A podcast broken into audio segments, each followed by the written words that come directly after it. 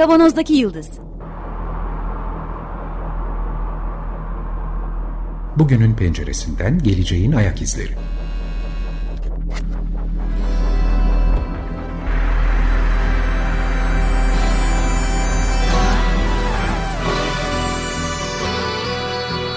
Hazırlayan ve sunanlar İsmail Başöz, Haluk Levent, Mustafa Yılmazer ve Fethiye Erbil.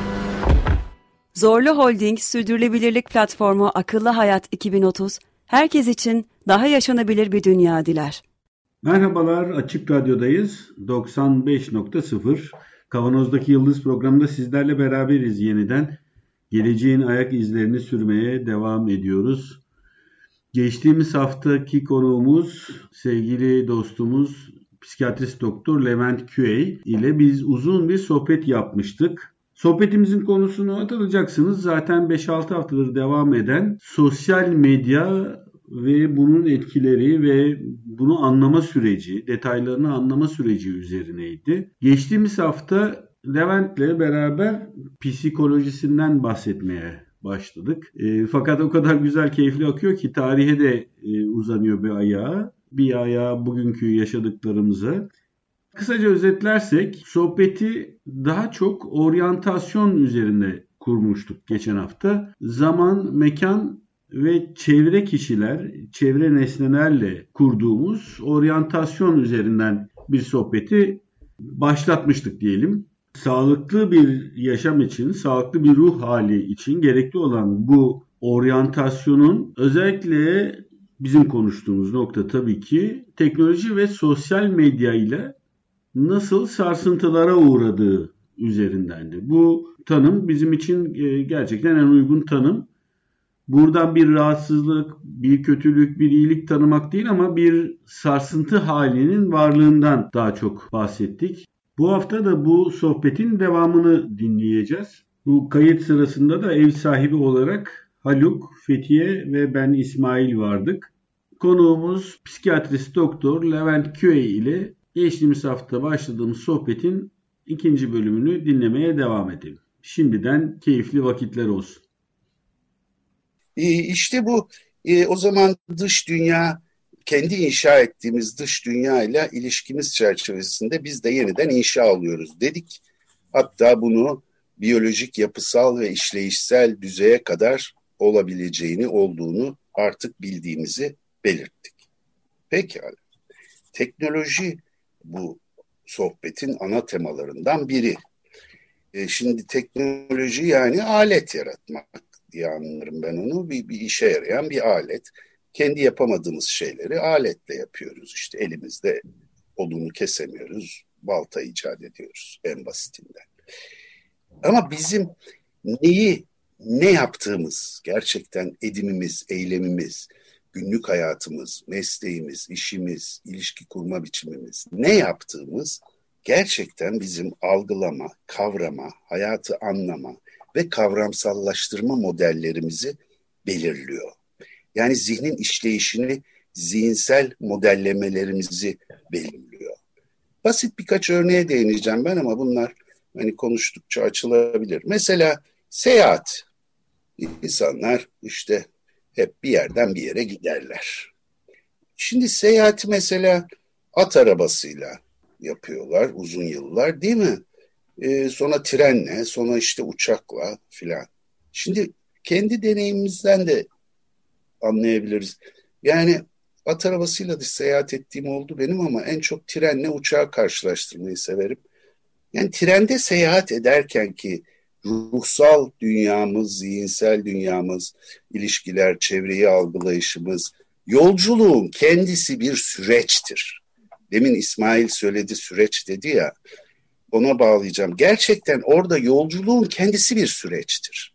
Ve siz bir yerden bir yere gitmekte olduğunuz bilincini, farkındalığını e, aktüel, fiilen yaşarsınız. Duygusal olarak da, düşünsel olarak.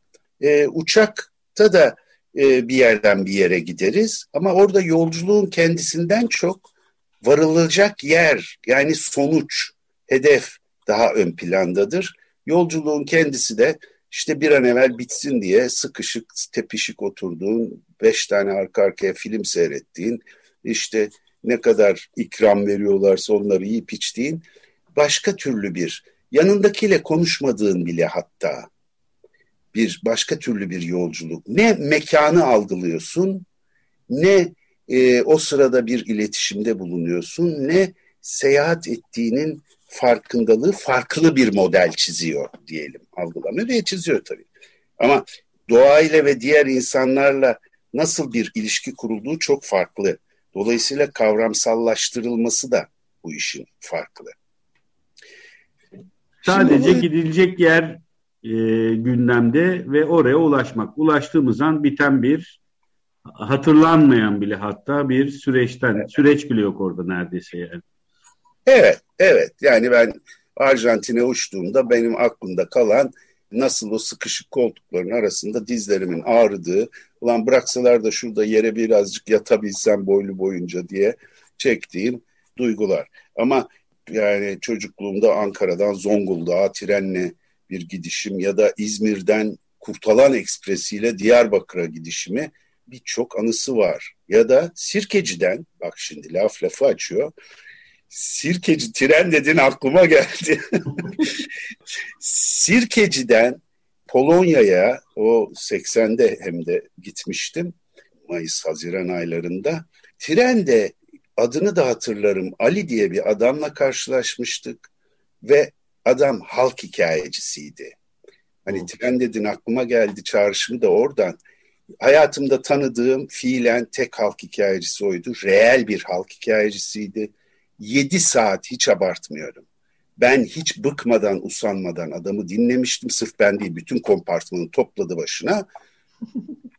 Hikaye anlatıyor, anlatıyor böyle giriş gelişme sonuca doğru geliyor. Tam böyle ha bitecek herhalde diye hissederken sen yahu kuş dediniz aklıma geldi. Bakın bir de bizim orada Hasan vardı diye yeni bir hikaye geçiyor. Ya bu kadar üst üste hem tren yolculuğu hem halk hikayeciliği muhteşem bir birliktelik olmuş. Yani e, hayal edilmesi bile çok çok hoş yani. Çok çok zor bir şey. Evet şimdi sosyal medyada fenomen olsunlar diye insanları yetiştirdikleri hızlandırılmış kurslar var böyle. Fenomen olup para kazansınlar diye.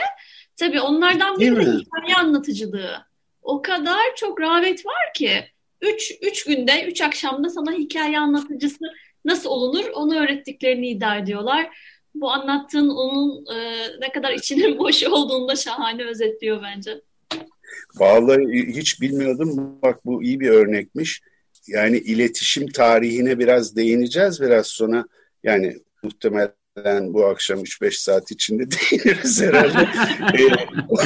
Ee, yani o orada şeyi anlatıyorlar. Onları okudum. Yani telgrafın tellerinden önce bilgi, haber, hikayecilerle, halk hikayecileriyle ve sosyal dedikoduyla aktarılıyor. Duydun mu şurada şu olmuş, burada bu olmuş. Adam da işte köy köy geziyor, bir yerde öğrendiğini öbür yerde anlatıyor. Orada öğrendiğini kendi de şekillendiriyor filan.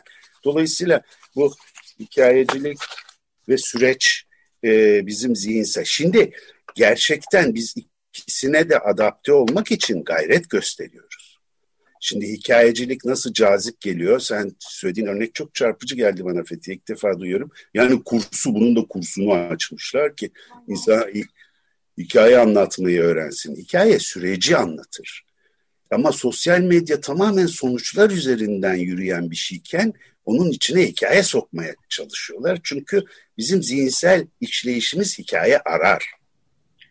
E, sosyal medyanın tam olarak böyle bu aralar dönüştüğü halin sonuçlar üzerinden olduğunu düşünmüyorum ben.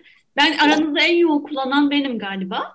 Orada insanlar böyle hiç yani hiç ismi olmayan ama kendi hayatlarını, kendi yaptıklarını, işlerini, e, çocuk yetiştirmelerini vesaire paylaşan insanlar dediğin gibi başta e, sonuç odaklı, ürün odaklı şeyler paylaşıyorlardı. Ama sonra birden bu insanların herhalde sosyal evriminin getirdiği özellik olan hikayeyi, hayatı takip etme oraya da o kadar e, şey yaptı ki ağırlığını e, koydu ki bir kişinin şu anda ünlü olmasına gerek yok bunun. Ger yani gerçek hayattaki ünlü. Hı Sabahtan akşama kadar ne yaptığını böyle belli aralıklarla paylaşıyor. Sıradan bir ev hanımını takip ediyorum ben. Benim de çok hoşuma gidiyor. Hafif komik de bir mesela şey var, tarzı var.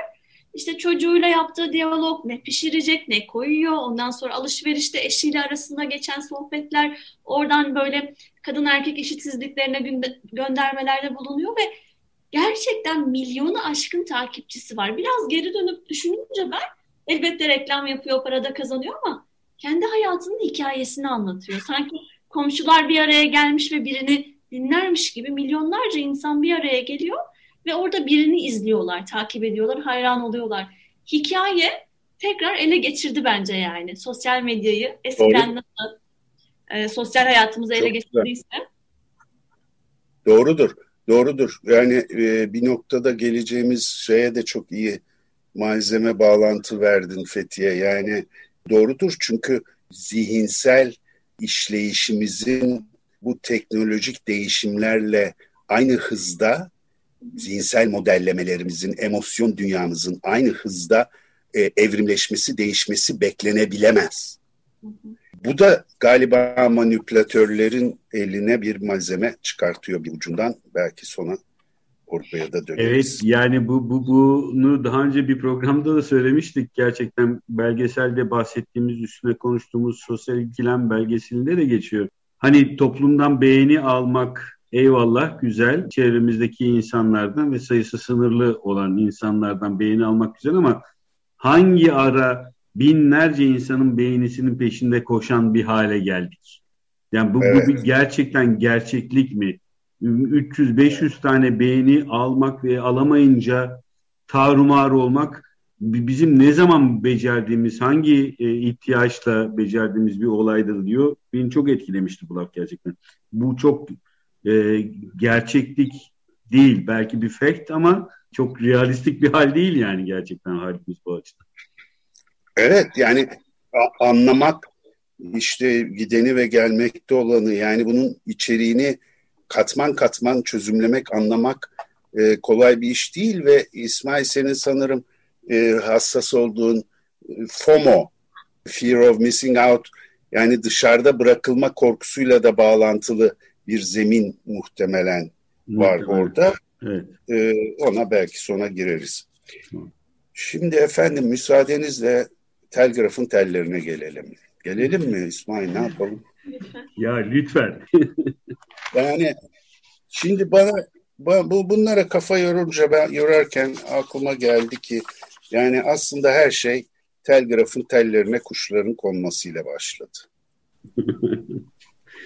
Telgraf, telgrafın keşfi ile çok şey değişti ve bizim şimdi sosyal medya ıvır zıvırın ta yani şimdiki geçmişinin bir ucu orada sonra galiba başka şeyler de oldu. Ee, ben ben e, bir küçük muhalefet şerhiyle e, gireceğim. Lütfen. Elbette uzak yerler arasındaki iletişimde telgrafın hani akıl almaz bir etkisi olduğunu biliyoruz. Daha radyo dalgalarında olmadığını düşünürsek değil mi? Yani Hı-hı. radyo dalgalarının en azından kullan olmadığını, olmadığını demeyelim de kontrolümüzde olmadığı zamanlar. Doğru. Onlar vardı zaten orada. evet. Ondan önce biraz önce bahsettiğimiz hikaye anlatıcılığı evet. bir köyden bir köye yani İstanbul'da ne olup bittiğini Türkiye'den örnek verirsek ne bileyim işte Yozgat'taki bir insanın bilebilmesinin tek yolu hikaye anlatıcıları iken evet. arkasından Türkiye'den söylemeyeceğim ama Avrupa'da kitapla e, gelişen bir süreç var. Evet. Birbirinden haberdar olma süreci.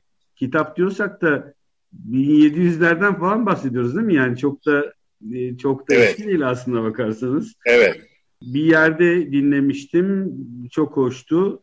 Paris'teki aşkın Lyon'daki ya da bir Fransa taşrasındaki bir aşktan nasıl farklı olduğunu, e, aşkın nasıl olması gerektiğini Paris'teki yazarların anlatmasıyla tanık olduklarını falan da unutmayalım. Yani yine toplumsal değişimlerde bunların etkisi var. Ama uzak yerlerdeki haberleşme evet telgraf. Bırakıyorum Levent sana bırakıyorum şimdi. Çok çok çok güzel bir muhalefet şerhi. muhalefet olmadı zaten. Daha da a, çanak tuttun söyleyeceklerime diyeyim İsmail. Şimdi telgraf öncesiyle sonrası arasındaki en temel fark enformasyonun taşınması ortadan kalkıyor. Telgrafa kadar enformasyon ister haber güverciniyle taşıyın, ister ne yaparsınız yapın. Ama örneğin Roma İmparatorluğu döneminde o yolları molları yapıyor. Haberciler, fermanlar taşınıyor oradan oraya. İnsan, hayvan gücüyle bilgi maddesel olarak, materyal olarak bir yerden bir yere götürülüyor. Telgraf ilk defa ortadan seyahati kaldırıyor. Bir yerden bir yere enformasyon işte telin üzerinden, ıvır zıvır üzerinden gönderilmiş oluyor. Bu önemli bir değişime paralel olarak tam da İsmail'in değindiği nokta 17. yüzyıl artık 18. yüzyıl işte o e, ortaçağ karanlığı denilen dönemden çıkarken pozitivizmin, rasyonelitenin gelişmesiyle beraber de bu fact fiction meselesi ayrımı önem kazanıyor. Hikaye anlatıcılığında fact fiction ayrımının çok da önemi yok. Tam tersine orada hikaye anlatıcısının fiction'ı çok kıymetli. Ama pozitivizmle beraber fact nedir, fiction nedir? Bunun ayrımı ciddi bir önem kazanıyor ve dolayısıyla ansiklopediler, kütüphaneler, dokümantasyon ve enformasyonun bilgi demiyorum ama bilgiyi de içeriyor tabii ama her türlü enformasyonun, verinin taşınması, iletimi çok önem kazanıyor ve bunun ardından da matbaalar, yayıncılık, kitaplar Önceleri el yazması yazılır ve dağıtılırmış. Ondan sonra dergilere, kitaplara ve oradan mass medyaya, kitlesel iletişim araçlarına kadar bir evrimsel şey var. Bunların tabii ruhsal dünyamızı etkileyişi sorusunu da hep bir kenarda tutarak söylüyorum. Ama fiziksel olarak taşınması duruyor bu iş. Ruhsal dünyamızı etkileyişi ve şekillendirmesi ne de bağlantı kurmak gerekiyor tabii. Yani Kesinlikle. E, düşünüş, zihnin şekillendirilmesine de etkileyişi aynı zamanda da var. Kesinlikle, kesinlikle çünkü örneğin bunun arkasından işte telefon, radyo, televizyon, mass medya bir yandan büyüyor ama telefonla beraber çok ilginç bir şey daha oluyor. Anında iletişim. Bizim e, mobil telefonu kastetmiyorum. Eski telefonlar. Şimdi e, telgraf zamana bağlılığı kırıyor. Çünkü enformasyon bir atla üç ayda bir yerden bir yere taşınmıyor. Anında gidiyor. Zaman çok kısalıyor. Neredeyse anında iletiliyor bilgi. Ama telefonla beraber bu zaman algısı, zihnimizdeki zaman algısı neredeyse ortadan kalkıyor. Saat farkı olsa bile eski telefonlarla konuşurken yani sabit telefonlarla aynı zamandayız algısında konuşuyoruz. Yani zaman algısı kırılıyor. Yani ben 75'te e, bir yıl Amerika'da yaşamıştım ve o zaman sabit telefonlardan Türkiye ile konuşmak çok pahalıydı.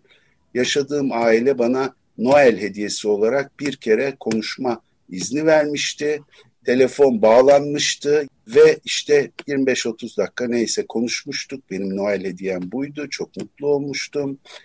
Efendim abim işte gazete maste gönderirdi. Bir ay sonra gelirdi filan. Onu geç.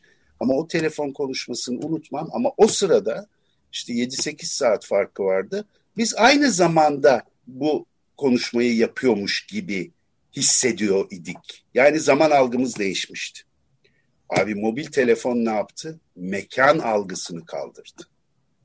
Sabit telefonla ben Haluk'u arayacağım zaman diyelim ya evini ya iş yerini arardım. Ben bir mekanı arardım. Haluk'u aramazdım. O mekandaki Haluk'u arardım. Şimdi mobil iletişim teknolojisi artık mekanı da kırdı. Mekan algımızı da sarstı. Yani ben Telefon çaldığında açtığımda işte Süavi arıyor, Arjantin'den telefon ediyor. Sormuyorum bile, birçok kere sormuyoruz bile. Yahut ben ararken doğrudan Ahmet'i arıyorum. Ahmet ne yapıyor, nerede, etrafında kim var, nasıl bir kontekste, hayatının neresinde? Hepsi niye, darma. Niye cevap vermiyor diye de kızıyoruz bir de. Niye bakmıyorsun üstelik, telefonunu? Üstelik, üstelik, üstelik ve cevap vermediğimiz için suçluluk da duyuyoruz. Demin biz programa başlarken bir arkadaşım aradı üst üste üç kere. Açmadım. Şimdi aklımın bir kenarında var o soru. Ya bir şey mi oldu acaba? Acil bir yardıma mı ihtiyacı var? Ne, ne zaman arayabilirim filan. Şeye bak, ruhsal etkileşime bak. Evet ya. Değil mi? Nereden yani... çıktı? Tamamen mobil teknolojinin özelliği yüzünden. Yani sayesinde ya da yüzünden. Tabii ki hayat kurtarıcı bir anlamı var. Ben Norveç'te psikiyatristlerle bir çalışma yapmıştık. Zaten mobil telefonun icat edildiği yer yanılmıyorsam İskandinav ülkeleri birbirinden çok uzak yerleşim birimleri var. Efendim kuzeydeki bir yerdeki acil hastaya nasıl gidilebilir, nasıl gelinebilir? Mobil teknolojinin olağanüstü faydaları var tabii. Biz etkileri konuşuyoruz, iyi kötü demiyoruz zaten. Ama burada mekanın kırılması, yani mekanın adeta e, ortadan kalkması Fransız bir antropolog e, Haluk'cum adını düzeltsen Marc Auger non-lieu diyor. Mekan olmayan. Yani mekansız değil, mekan olmayan. Artık mekan olmayan yerde buluşuyoruz. Konuşuyoruz. Buluttayız yani. Bulut değil mi bunun adı şimdi artık? Aykva. Bulutların üstündeyiz. Bu bulutların romantik şeyi mahvoldu Haluk. evet. Bulutları. Bulut aslında ee, bulut ee, bulut derken bile bir mekan tanımlıyoruz aslında. Yani ama o bile değil aslında ve ne, ne isim koyacağımızı bilemedik gerçekten. Doğru. Mekan olmayan. Evet.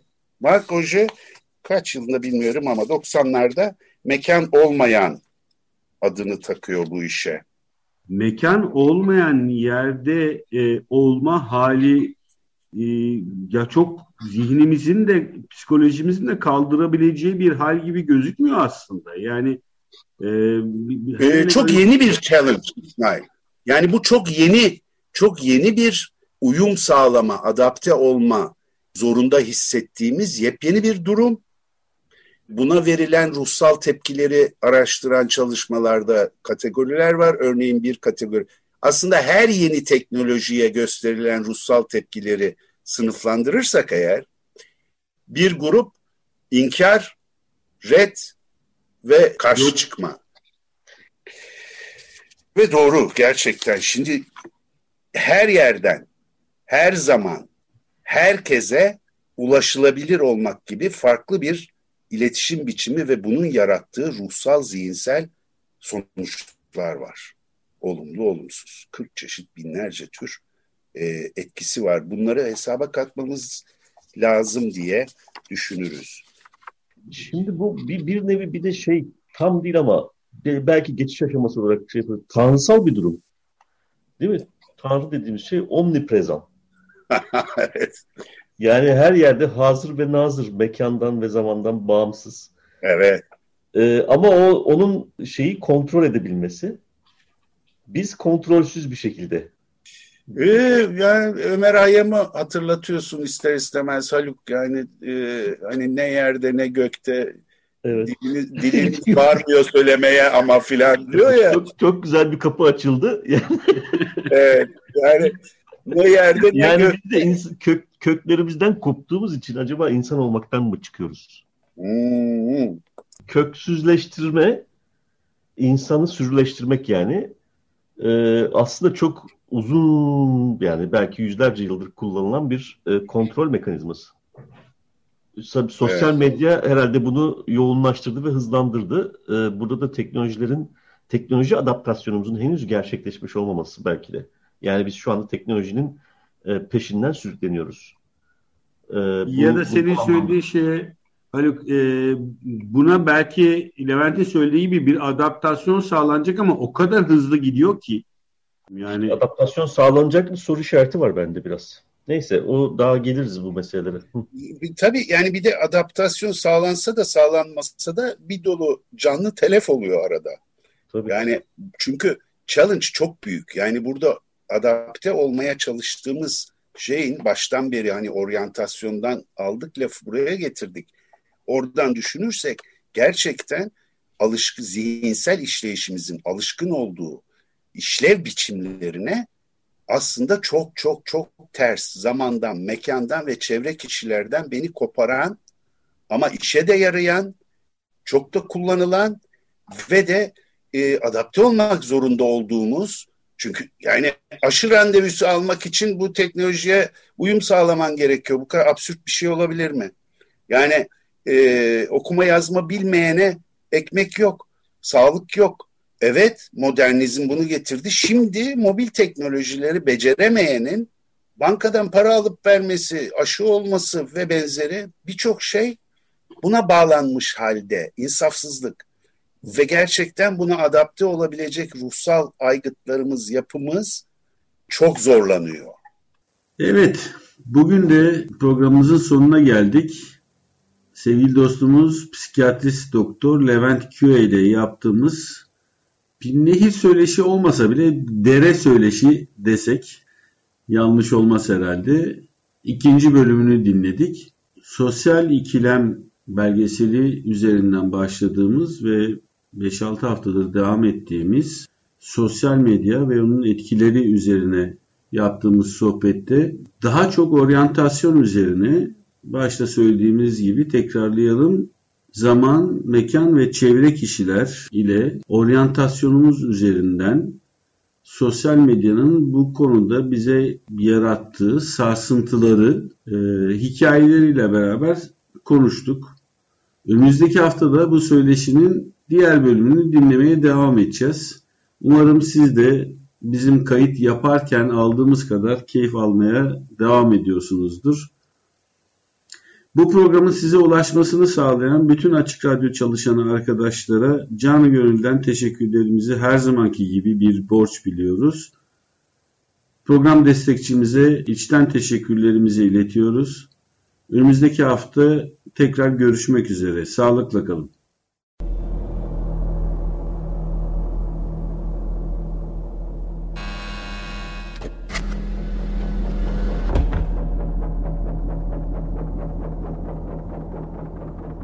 Kavanozdaki Yıldız Bugünün penceresinden geleceğin ayak izleri.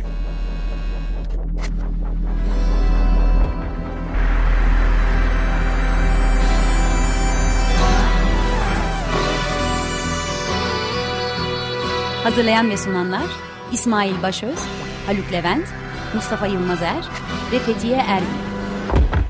Zorlu Holding Sürdürülebilirlik Platformu Akıllı Hayat 2030 sundu.